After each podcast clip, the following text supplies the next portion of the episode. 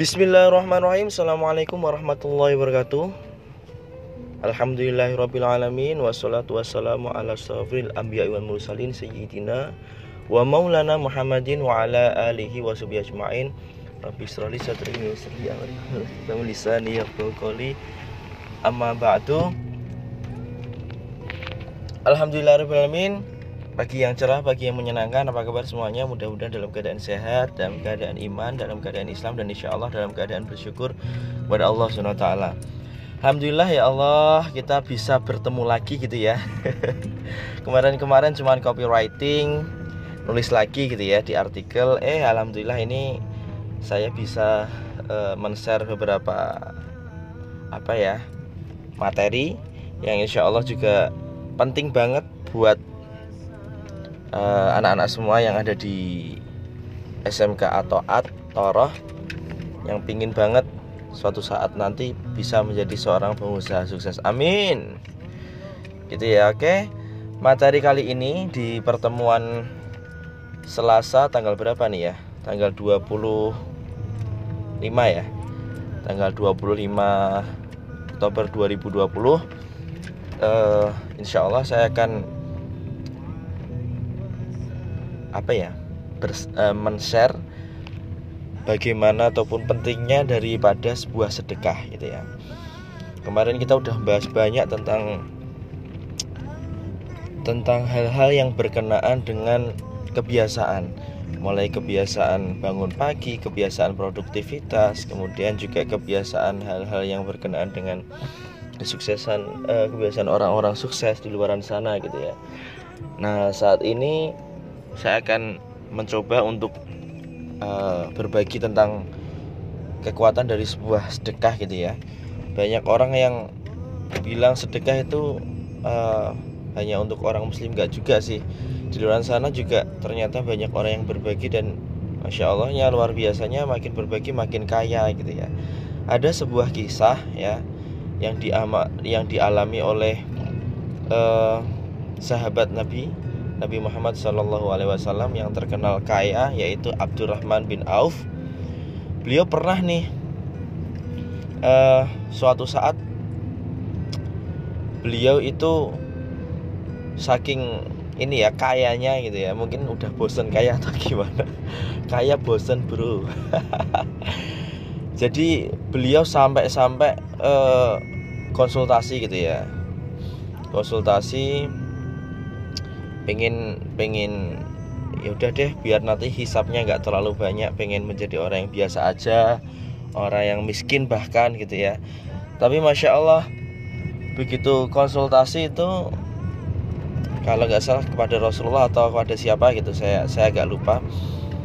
Beliau disarankan bahwasanya kalau kamu pengen miskin ya kamu belilah eh, kurma-kurma uh, busuk kemudian kamu jual gitu semua kurma busuk yang ada di uh, kota ini gitu ya di negara ini kamu beli gitu dengan ditukar. Kalau dulu kan tukar menukar barang itu biasa gitu ya. Jadi nggak cuman dengan dirham ataupun dengan uang. Kalau di zamannya Rasulullah itu tukar menukar barang juga biasa. Sehingga sahabat Utsman bin Affan nih melakukannya nih. Beliau memiliki kurma yang bagus-bagus baik-baik pokoknya kalau di pasaran tuh the best lah ya. Best seller. Gampang untuk dijual gitu ya.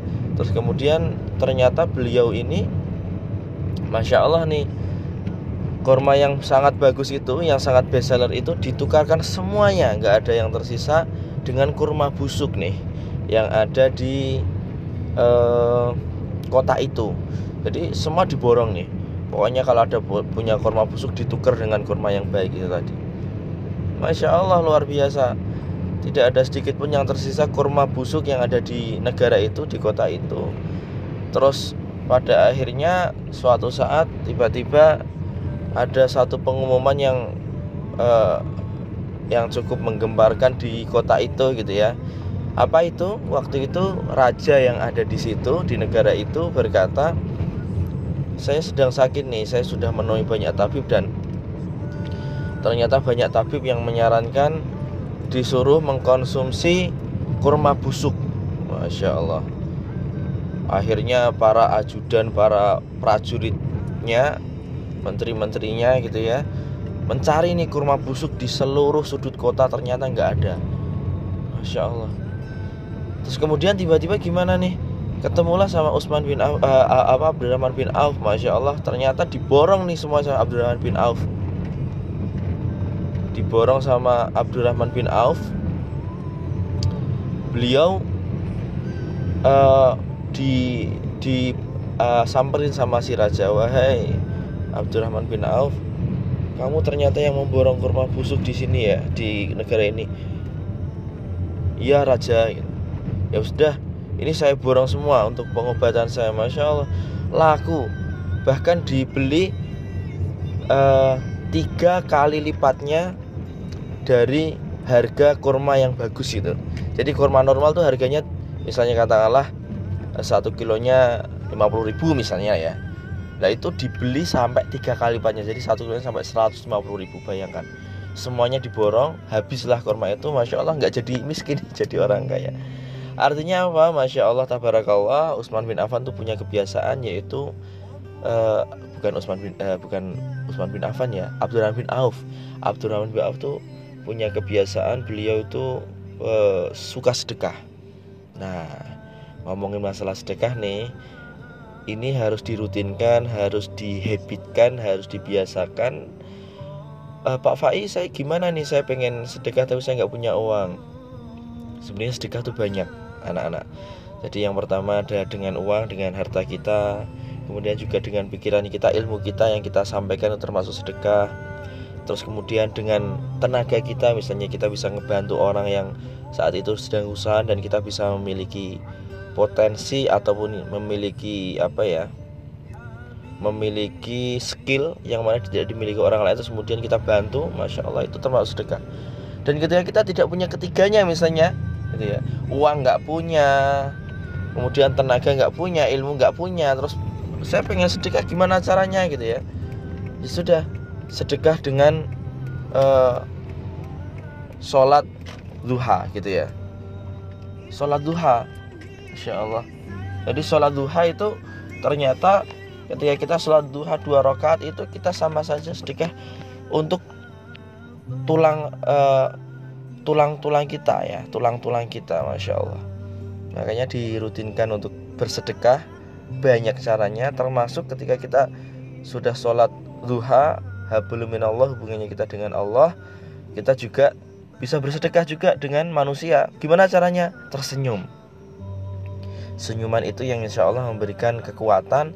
Padahal nanti insya Allah kalau uh, kita sedekah Allah janji melipat gandakan harta kita rezeki kita dengan cara apa? Makin sehat tubuh kita.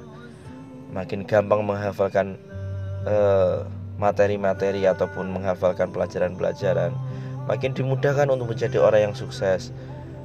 Makin ditenteramkan hidup hidupnya. Masya Allah banyak sekali fadilah bersedekah. Itu baru satu cerita. Masih ada Usman bin Affan nih. Usman bin Affan tuh terkenal dulu e, punya aset sampai sekarang. Beliau tuh kalau punya aset sampai sekarang tuh masih masih digunakan ataupun masih ada. Ya masya Allah itu udah berapa ratus tahun gitu ya. Bahkan ribuan tahun gitu ya. Tapi masih ada. Lah kok bisa gitu ya? Ceritanya tuh Usman bin Affan tuh waktu itu pernah membeli sumurnya orang Yahudi. Nah, orang Yahudi itu setiap kali orang Muslim atau orang siapa pun yang ngambil air dari sumur orang Yahudi itu suruh bayar. Ya. Jadi misalnya takarannya berapa ember, satu embernya berapa dinar gitu ya. Nah, kemudian Rasulullah mendengar nih, kemudian Rasulullah bilang si barang siapa yang uh, mau mau surga ya gitu dikasih dikasih clue silahkan beli itu uh, sumur kemudian disedekahkan masya Allah dibelilah sumur orang Yahudi tapi orang Yahudi nggak mau. Nggak kehabisan akal Utsman bin Affan bilang sama orang Yahudi oke okay, wahai orang Yahudi saya beli separohnya nanti separoh sumur untuk kamu separuh sumur untuk saya jadi kamu tetap untung. Akhirnya sepakat. Akhirnya satu hari itu miliknya Utsman bin Affan satu hari miliknya orang Yahudi masya Allah. Sehingga ketika satu hari miliknya Utsman bin Affan itu banyak sekali orang-orang muslim tuh yang berdatangan untuk mengambil air dan digratiskan oleh Utsman bin Affan. Kemudian lama kelamaan orang Yahudi, waduh ini gimana nih? Jadi setiap harinya, setiap giliran hari pengambilan dari orang-orang Yahudi itu itu nggak pernah ada yang ngambil karena bayar akhirnya rugi karena rugi akhirnya orang Yahudi ngejual semuanya wes daripada saya rugi rugi tak jual semua ini apa namanya sumurnya masya Allah. Akhirnya Utsman bin Affan masya Allah jadi dibeli sumur itu kemudian disedekahkan. Beliau termasuk dua orang yang sangat terkenal di kalangan para sahabat orang yang paling kaya ya Utsman bin Affan dan Abdurrahman bin Auf. Bahkan Abdurrahman bin Auf itu dalam tiga bulan beliau bisa dari titik nol ataupun minus beliau bisa memiliki kekayaan yang sangat banyak. Sebanyak apa? Nomor dua terkaya sekota Madinah. Dalam waktu tiga bulan saja. Itu salah satu fadilahnya dari bersedekah. Maka dari itu anak-anak semua saya mengajak diri saya sendiri dan juga anak-anak semua untuk senantiasa bersedekah. Bersedekah ilmu, bersedekah harta, bersedekah pikiran ya. Ataupun kemampuan gitu ya, tenaga. Dan juga ketika kita tiga-tiganya nggak punya tadi kita harus bisa bersedekah setiap hari dengan cara sholat duha minimal dua rakaat ya sebelum sekolah gitu ya dua rakaat sholat duha gitu ya. Kemudian selain itu apa lagi? Bersedekah senyum. Nah ketemu sama orang senyum gitu ya. Jangan cemberut aja gitu. Makanya orang-orang yang senyum gitu insya Allah rezekinya lancar karena apa? Ramah karena supel gitu ya. Karena enak diajak bicara karena senyum enak vibrasinya bagus dan sebagainya energinya bagus gitu oke seperti itu materi kali ini intinya uh, sedekah itu membawa berkah sedekah itu membawa manfaat sedekah itu membawa kebahagiaan dunia akhirat Terima kasih mudah-mudahan ada manfaatnya. Subhanakallahumma wa bihamdika asyhadu an la ilaha illa anta astaghfiruka wa atubu. Assalamualaikum warahmatullahi wabarakatuh.